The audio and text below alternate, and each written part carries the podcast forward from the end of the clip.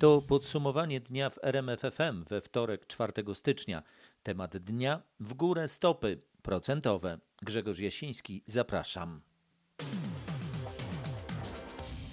Zaczynamy jednak od najnowszych danych dotyczących pandemii koronawirusa. Ponad 11,5 tysiąca nowych zakażeń potwierdzono ostatniej doby w Polsce. Zmarły 433 osoby z COVID-19. Nasz reporter Michał Dobrołowicz przeanalizował dzisiejszy raport Ministerstwa Zdrowia. Nowych zakażeń dzisiaj było o 18% więcej niż tydzień temu. To oznacza, że za nami kolejna czwarta doba, gdy liczba infekcji rośnie. Coraz więcej jest też przypadków nowej mutacji Omikron, którą wykryto już w większości regionów.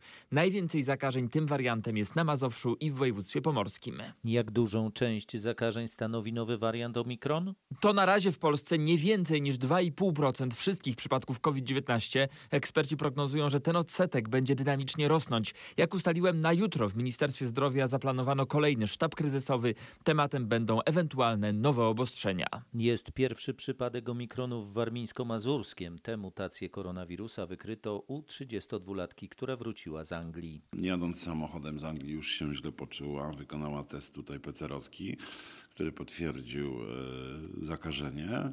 Próbka ta dotarła do naszego laboratorium, była sekwencjonowana i okazało się, że to jest wariant Omikron. W tej chwili opracowujemy ognisko czyli praktycznie wszystkie kontakty. Na szczęście ta pani była na tyle świadoma, że już jadąc z objawami postanowiła spędzić e, ten czas do uzyskania wyniku w odosobnionym miejscu, więc liczba kontaktów mam wrażenie nie będzie duża. Mówi szef warmińsko-mazurskiego sanepidu Janusz Dzisko.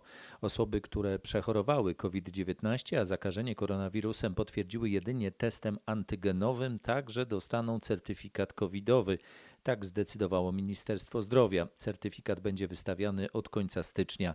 Ile osób może dostać taki certyfikat? W takiej sytuacji jest około 120 tysięcy osób. To osoby, które chorowały na COVID, ale potwierdzono to tylko testem antygenowym, co nie jest uznawane w Unii za dowód bycia ozdrowieńcem. Dlatego ten certyfikat będzie wystawiany w Polsce, ale niekoniecznie będzie respektowany w innych krajach Unii, przyznaje to rzecznik Ministerstwa Zdrowia Wojciech Andrusiewicz. Będzie to certyfikat wewnętrzny Polski uznawany w granicach granicach Polski. Jeżeli jakiś inny kraj zdecyduje się uznać ten certyfikat, to jest właściwość danego kraju. Taki certyfikat po teście antygenowym wystawia i uznaje na razie jeszcze tylko Holandia. Taki certyfikat w Polsce będzie ważny 180 dni. Warszawa, Mariusz Piekarski. Wzrasta ilość zużywanego tlenu w szpitalach w Małopolsce. To 45 ton dziennie. Dziś region zajął drugą pozycję pod względem nowych zakażeń. Wykryto tam 11 022 nowe przypadki. Pod koniec roku udało się u nas w Małopolsce przekroczyć liczbę pół miliona osób zaszczepionych trzecią czy przypominającą dawką. Mamy 14,5 tysiąca wykonanych szczepień za poprzednią dobę. W tej grupie dawką pierwszą mamy 2000. To są te osoby, które teraz podjęły decyzję o tym, że, że się zaszczepią. Mówiła Joanna Paździo z Małopolskiego Urzędu Wojewódzkiego. Prawie 68% mieszkańców Krakowa zaszczepiło się przeciwko COVID-19. To najliczniej wyszczepiona gmina w Małopolsce. Dzięki temu miasto dostało nagrodę z Urzędu Marszałkowskiego dzięki której udało się zakupić 12 defibrylatorów. Kraków kupił 12 dodatkowych automatycznych defibrylatorów. One zawsze są rozmieszczane w przestrzeni miejskiej po konsultacji chociażby z pogotowiem ratunkowym. Mogliśmy to zrobić w ramach e, konkursu Małopolska Zaszczepiona. Zostaliśmy liderem tego konkursu. Dostaliśmy nagrodę w wysokości 50 tysięcy złotych. Mówił Dariusz Nowak z krakowskiego magistratu. Wciąż najmniej zaszczepionych w Małopolsce, ale także w skali całego kraju jest w gminie Czarny Dunajec. To 23% mieszkańców. Podwyżka stóp procentowych ma pomóc walczyć z inflacją, ale będzie też oznaczała kolejne podwyżki rat dla wszystkich posiadaczy kredytów hipotecznych w polskim złotym. Zgodnie z oczekiwaniami Rada Polityki Pieniężnej znów podniosła stopy o pół punktu procentowego, czyli o 50 punktów bazowych. Czemu ma służyć dzisiejsza decyzja? Ta podwyżka ma nadrobić zaległości Rady Polityki Pieniężnej w podnoszeniu stóp procentowych. Inflacja z miesiąca na miesiąc jest przecież coraz wyższa. Te podwyżki stóp nie sprawią, że nagle inflacja spadnie, ale mają sprawić, że ona się nie utrwali, że za rok, może dwa lata będzie nieco niższa. To za rok, dwa, a już za chwilę te podwyżki stóp procentowych przełożą się na wyższe raty. Ta dzisiejsza podwyżka spowoduje podniesienie rat przeciętnego kredytu takiego na 300 tysięcy złotych mniej więcej o 100 złotych. To już czwarta i niestety najprawdopodobniej nie ostatnia podwyżka stóp procentowych. Czyli będzie jeszcze gorzej, tak ostrzega analityk Expandera Jarosław Sadowski. Podsumowuje Krzysztof Berenda z redakcji ekonomicznej RMFFM. Już planuje budżet, zakładając, że rata mojego kredytu będzie wyższa, przyznaje pani Natalia z Warszawy. Nawet sami ekonomiści nie mają pojęcia, w którą stronę to zmierza. No, wszyscy dookoła nas straszą. No myślę, że nikt z nas nie akceptuje podwyżek. No szkoda, że pensje nie idą tak, tak szybko w górę jak ceny. Jest jakaś strategia, jakiś pomysł nowy? No powiem szczerze, dalej bardziej się opłaca kupić mieszkanie nawet na kredyt niż je wynajmować, szczególnie w wielkich miastach. To raczej alternatywy nie widzę. Pani Natalia zwraca uwagę, że część osób w obawie przed kolejnymi podwyżkami próbuje już teraz nadpłacać kredyty, czyli spłacać więcej rat. Nawet kosztem po prostu przyjemności, wyjazdów i różnych innych rzeczy, ale po prostu chcą mieć jak najszybciej to z głowy, bo w tym momencie to się przestaje odpłacać. Ale tylko niewielką grupę na to stać. No, niestety niewielką. No. Bo mało kto może sobie pozwolić płacić dwie, trzy raty kredytu do przodu. Pozostali po prostu czekają i cierpliwie spłacają. No, czekają, może oszczędzają do przysłowiowej skarbonki. Różne ludzie mają strategie. Ja póki co zagryzam zęby, no ale staram się, staram się odkładać pieniądze. No. To nie wiadomo, co będzie za chwilę. Z panią Natalią rozmawiał nasz reporter Michał Dobrołowicz. Ogromne, kilkukrotne podwyżki cen gazu dotyczą 290 tysięcy indywidualnych klientów polskiego górnictwa naftowego i gazownictwa, podaje spółka. Reszta gospodarstw domowych, a jest ich blisko 7 milionów, rozlicza się na podstawie taryf zatwierdzonych przez prezesa Urzędu Regulacji Energetyki. Te 290 tysięcy klientów ma zawarte wolnorynkowe umowy. To dlatego ich rachunki rosną nie kilkadziesiąt, ale o kilkaset procent. A można było tego uniknąć. Co i kto za to odpowiada?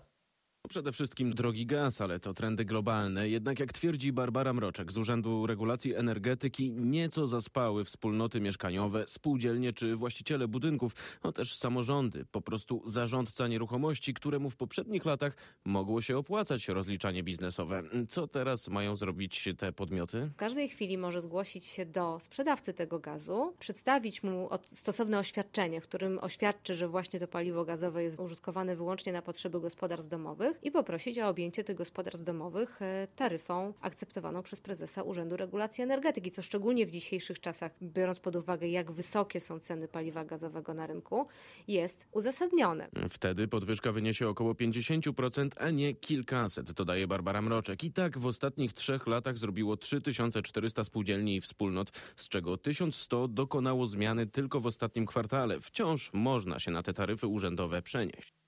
Co można zrobić, by zapłacić mniej?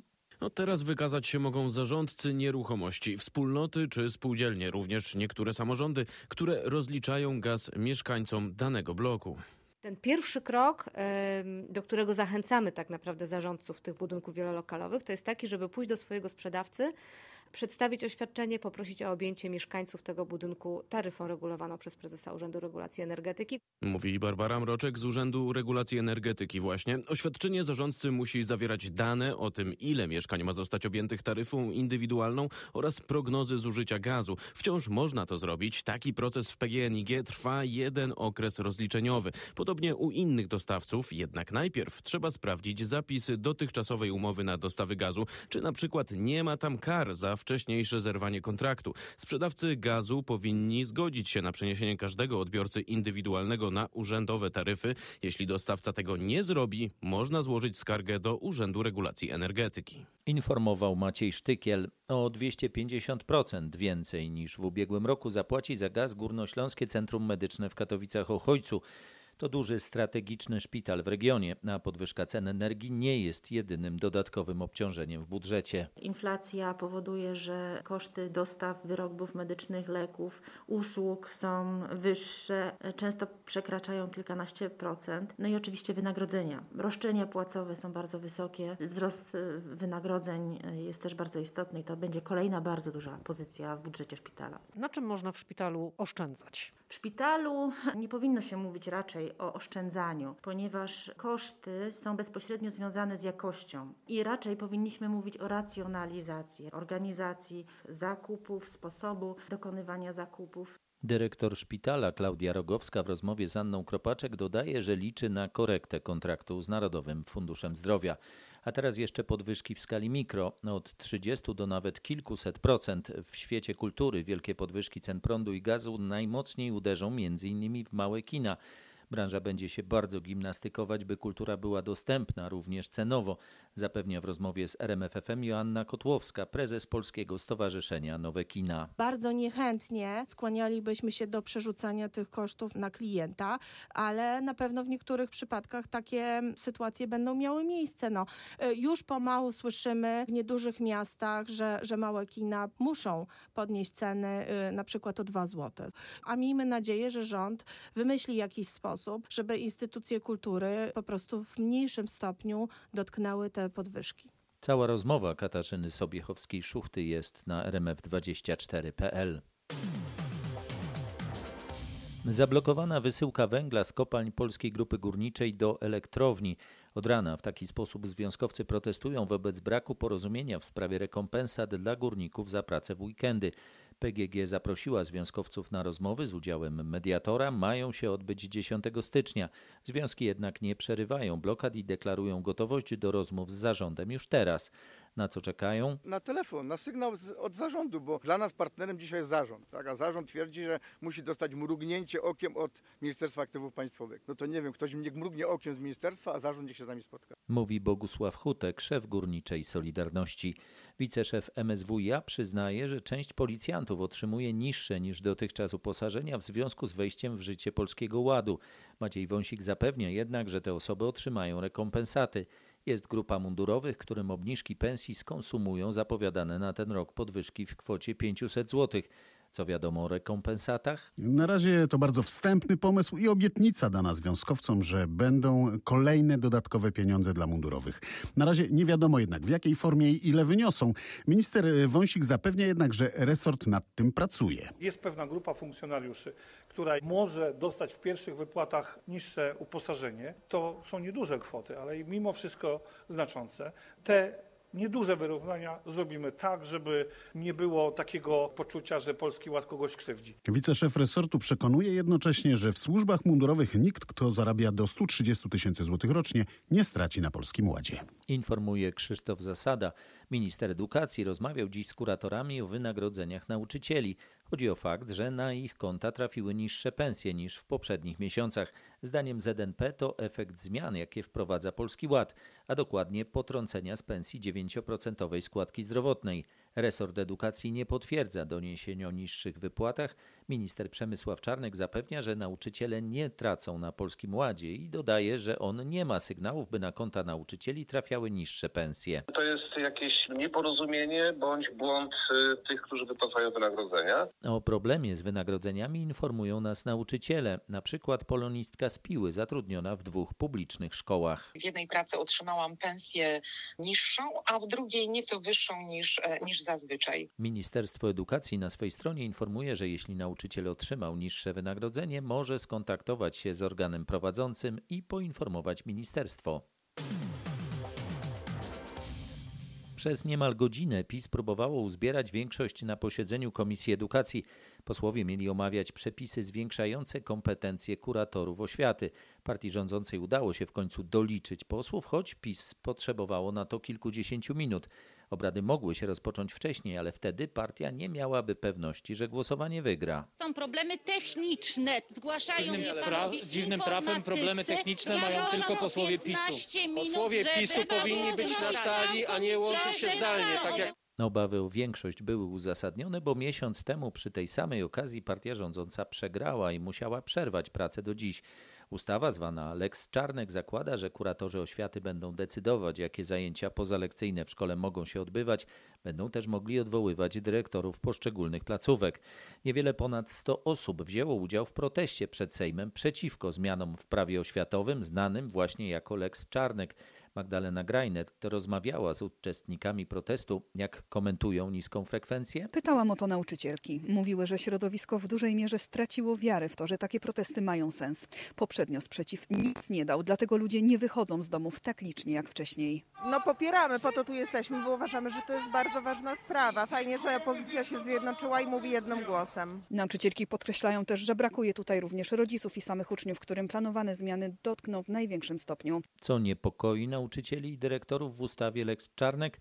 Między innymi kwestia zwiększenia godzin etatów, co będzie prowadzić do zwolnień oraz nowy system wynagradzania nauczycieli, mówi w rozmowie z RMFFM Marek Wąsik, dyrektor szkoły podstawowej nr 34 w Olsztynie. Ale nie tylko to. Ja jako dyrektor najbardziej boję się jednak e, ideologizacji. Nie ukrywam, e, przejście pod e, taką przemożną kontrolę, a właściwie nadzór nie tylko pedagogiczny, ale i, i prawny, bo dyrektora będzie prawdopodobnie mógł mianować e, lub odwołać e, kurator, biorąc pod uwagę jego możli- możliwości, no powoduje, że kuratorium stanie się e, takim nośnikiem e, no, materiałów ideologicznych, bo jest e, nośnikiem, e, rzecznikiem rządu. A e, biorąc nawet pod uwagę to, co e, proponuje pan minister, biorąc e, e, w tym e, e, nowym przedmiocie mm, historia, e, hit. Tak? Hit, to historia i teraźniejszość. Mm, No to jak czytam te, te zmiany, y, propozycje wprowadzenia nowych y, tematów, no to jest y, bardzo głęboka ideologizacja. Myślę, że naszym dzieciom tego nie potrzeba. A są jakieś plusy Lex Czarnek? Wie pan, y, pewnie są. Nie ukrywam, że one są, natomiast y, minusy tutaj y, wychodzą na plan pierwszy i przede wszystkim wzbudzają obawy. Z Markiem Wąsikiem rozmawiał nasz reporter Piotr Bułakowski. Najważniejszy fakt jest taki, że każde poważne państwo w sposób oczywisty stosuje narzędzia do zwalczania przestępstw. Podkreślał w popołudniowej rozmowie w RMFFM Michał Woś, wiceszef resortu sprawiedliwości, pytany o inwigilowanie polityków opozycji przez system Pegasus. Zawsze, jeżeli jest stosowana jakakolwiek kontrola operacyjna, to ta kontrola operacyjna jest stosowana wyłącznie za zgodą sądu, wyłącznie. Więc, e, A gdyby była stosowana nie za zgodą sądu, gdyby to była jakaś samowolka służb albo niektórych polityków, to co trzeba byłoby zrobić? Gdyby to była samowolka polityków, to sposób oczywisty czy służb, e, gdyby doszło do jakiegokolwiek naruszenia prawa, no to po to są organa i procedury, żeby tego rodzaju przestępstwa ścigać. Natomiast mamy oświadczenia Centralnego Biura Antykorupcyjnego, mamy oświadczenia prokuratury o tym, że wszystkie działania, że nie, nie mają jakiejkolwiek wiedzy o nielegalnych podsłuchach. To zamyka sprawę, twierdzi Michał Woś. Jego zdaniem nie potrzeba powołania na przykład komisji śledczej. Ona nie ma najmniejszego sensu działania, bo komisje śle- śledcze powołuje się kiedy? Wtedy, kiedy państwo nie działa, kiedy instytucje zawodzą. Te jego zdaniem działają dobrze i jeśli będą zawiadomienia, prokuratura będzie je badać. Na razie było jedno, Ewy Wrzosek, które śledczy odrzucili, bo prokurator Wrzosek nie przekazała im telefonu. Cała rozmowa Pawła Balinowskiego z Michałem Wosiem jest na rmf24.pl. To 39-letnia matka uśmierciła trzech synów i siebie na koniec. Do takiego wniosku skłaniają się śledczy po otrzymaniu pierwszych wyników sekcji zwłok kobiety i dzieci. Ciała chłopców w wieku 3, 4 i 9 lat oraz ich matki odkryto w czasie czwartkowego pożaru domu jednorodzinnego w Unewelu koło Opocz na Włódzkiem. Tą rodzinną tragedią od początku zajmuje się dziennikarka RMFFM Agnieszka Wyderka. Co było przyczyną śmierci tych czworga osób? Zatrucie czadem. Biegły medyk sądowy ustalił też, że najmłodsi chłopcy nie zmarli z powodu ciętych ran szyi. Obecnie wszystko wskazuje na to, że to 39-latka wywołała pożar domu, zauważa rzecznik prokuratury okręgowej w Piotrkowie Trybunalskim Magdalena Czołnowska-Musią. Na podstawie przeprowadzonych z udziałem biegłego z zakresu pożarnictwa oględzin budynku, w którym doszło do tragedii, ustalono, że najprawdopodobniej do pożaru doszło w wyniku podłożenia ognia w kilku miejscach wewnątrz budynku przy pomocy substancji łatwopalnej. To skłania ku tezie, że rodzinna tragedia w Unewelu to tak zwane rozszerzone samobójstwo. Śledczy zbadają jeszcze, czy nikt nie nakłaniał matki do tego dramatycznego kroku, czy nikt jej nie pomagał. Sprawdzona zostanie też obecność środków odurzających w organizmach dzieci i kobiety. Od dziś robienie tatuaży czy permanentnego makijażu będzie bezpieczniejsze. W Polsce i pozostałych krajach Unii zaczynają obowiązywać przepisy ograniczające stosowanie ponad 4000 niebezpiecznych chemikaliów właśnie w tuszach do tatuażu i makijażu permanentnego.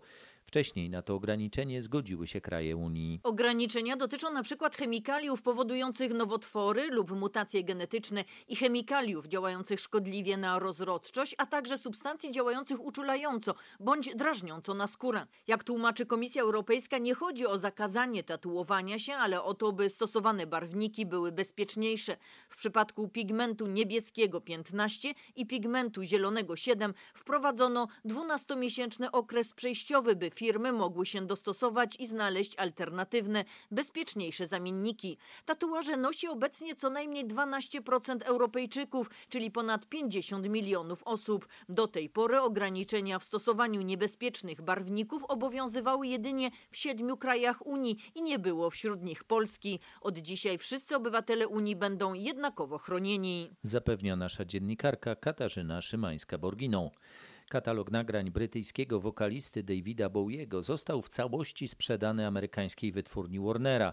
Ile warta jest ta transakcja? Kwoty nie podano do wiadomości publicznej, ale według doniesień wytwórnia zapłaciła więcej niż 250 milionów dolarów. To prawa autorskie za wszystkie 26 albumów wydanych przez Bowiego za życia, a także do tych, które mogą pojawić się po jego śmierci.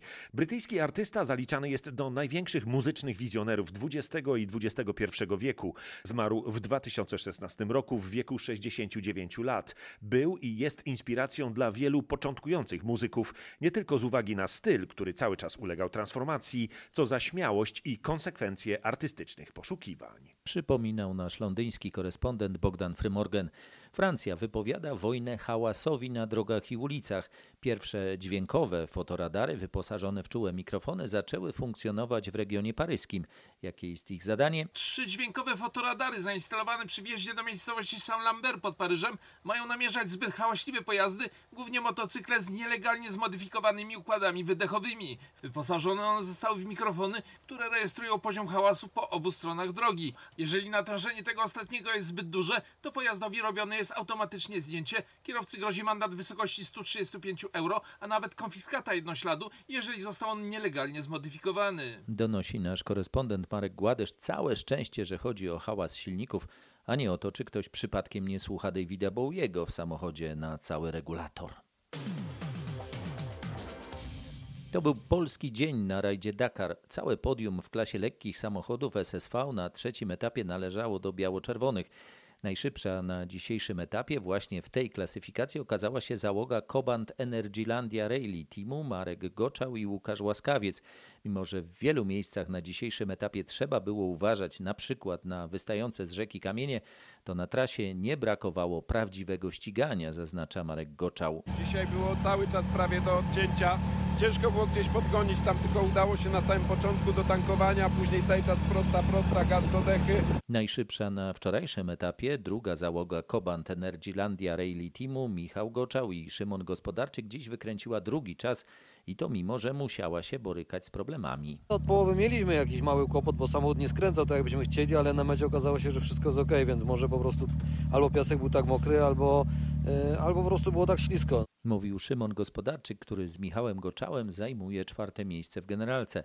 Marek Goczał jest siódmy, a skład dzisiejszego polskiego etapowego podium dopełnił Aaron Domżała.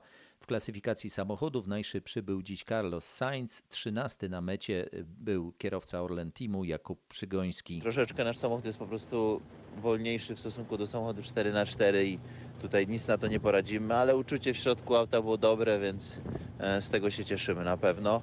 Wśród kładowców siódmy był Kamil Wiśniewski, Maciej Giemza finiszował jako 25 wśród motocyklistów, zaś Konrad Dąbrowski był 34. Jutro na Dakarze najdłuższy etap z metą w Riyadzie. Para opera, która powstała na bazie barokowego dramatu religijnego Pedra Calderona de la Barki, to premierowy spektakl łódzkiego Teatru Nowego, zatytułowany Wielki Teatr Świata. Wyreżyserował go Cezary Tomaszewski. To jest opowieść o nas wszystkich, o życiu, śmierci i o rolach, które dostajemy lub nie dostajemy od kogoś. Wydaje nam się, że nie dostajemy. Czy tak naprawdę jest? Czy to, że ktoś nagle zarobi kupę kasy, czy to go zmienia, czy nie zmienia? O tym wszystkim jest ta opowieść. Czy Państwu zależy na tym, aby w tym przedstawieniu pokazać to okrucieństwo w pewien sposób otaczającego nas współczesnego świata? Absolutnie tak. Myślę, że to jest kluczem do naszego przekazu. Myślę, że o to nam przede wszystkim chodzi. Ale to jest gorzka prawda. No cóż, życie jest gorzkie. Mówi Agnieszce Wyderce aktor Michał Kruk. Premiera w piątek o godzinie 19 na dużej scenie Teatru Nowego w Łodzi. To już ostatni moment, by w Warszawie zobaczyć pracę jednego z najwybitniejszych i najbardziej cenionych na świecie polskich artystów współczesnych i poczuć się jak w Nowym Jorku czy Londynie. Chodzi o wystawę Wilhelm Sasnal Taki pejzaż w Muzeum Polin. Jest pierwszą tak szeroką indywidualną prezentacją twórczości tego artysty w polskim muzeum, obejmującą prace powstałe w ciągu minionych 20 lat. Przypomina Marta Dziewulska ze Stołecznego Muzeum. Wystawa będzie czynna do poniedziałku. W 668 miejscowościach w Polsce trwają ostatnie przygotowania do orszaków Trzech Króli. Aktorami w barwnych korowodach będą w niektórych miejscach goście z zagranicy. Pochodzę z Togo na zachodzie Afryki. W którego króla pan się wcieli w czasie orszaku? W króla Baltazara. Baltazar to król afrykański, więc trzeba też przygotowywać może kolendę w języku, w którym mówimy. Jaka jest najpopularniejsza kolenda w Togo? Zanfafa, no więc cicha, no z panem Benedyktem Stogo, który weźmie udział w Orszaku Trzech Króli w Warszawie, rozmawiał nasz reporter Michał Dobrowowicz. Odwilż w Tatrach przyniosła znaczne pogorszenie warunków turystycznych, ostrzegają ratownicy TOPR. Stopień zagrożenia lawinowego zmalał wprawdzie do pierwszego, ale za to na szlakach zrobiło się niezwykle ślisko. Jeżeli chodzi o Doliny Tatrzańskie, no można powiedzieć szczery lód. Jeżeli tam y, ktoś wybiera się to y, sugerujemy, żeby zabrał ze sobą eraczki, kijki. Natomiast jeżeli ktoś chce wybierać się gdzieś wyżej w góry, no to odradzamy, ale jeżeli już podjął taką decyzję i jest ona niezmienna, to dobrze, żeby wyposażył się w raki i tutaj już nie raczki, tylko normalne, profesjonalne raki, do tego czekan. Oczywiście umiejętność posłużenia się tym wszystkim. Przestrzega ratownik dyżurny Tomasz Wojciechowski. Tatrzański Park Narodowy od kilku dni apeluje też do turystów, by nie wchodzili na zamarzniętą taflę morskiego oka. Trzy metry od brzegu pojawiło się pęknięcie na lodzie, wypłynęła woda. No, ludzie nie zdają sobie sprawy z niebezpieczeństwa. No, wpadnięcie do takiej wody no, może się skończyć wychłodzeniem, a w skrajnych nawet śmiercią. Ostrzega Tomasz Zając z Tatrzańskiego Parku Narodowego. Nie lekceważmy tych ostrzeżeń. Tyle na dziś. Kolejne podsumowanie dnia w RMFFM już jutro wieczorem. Grzegorz Jasiński, dziękuję. Dobrej nocy.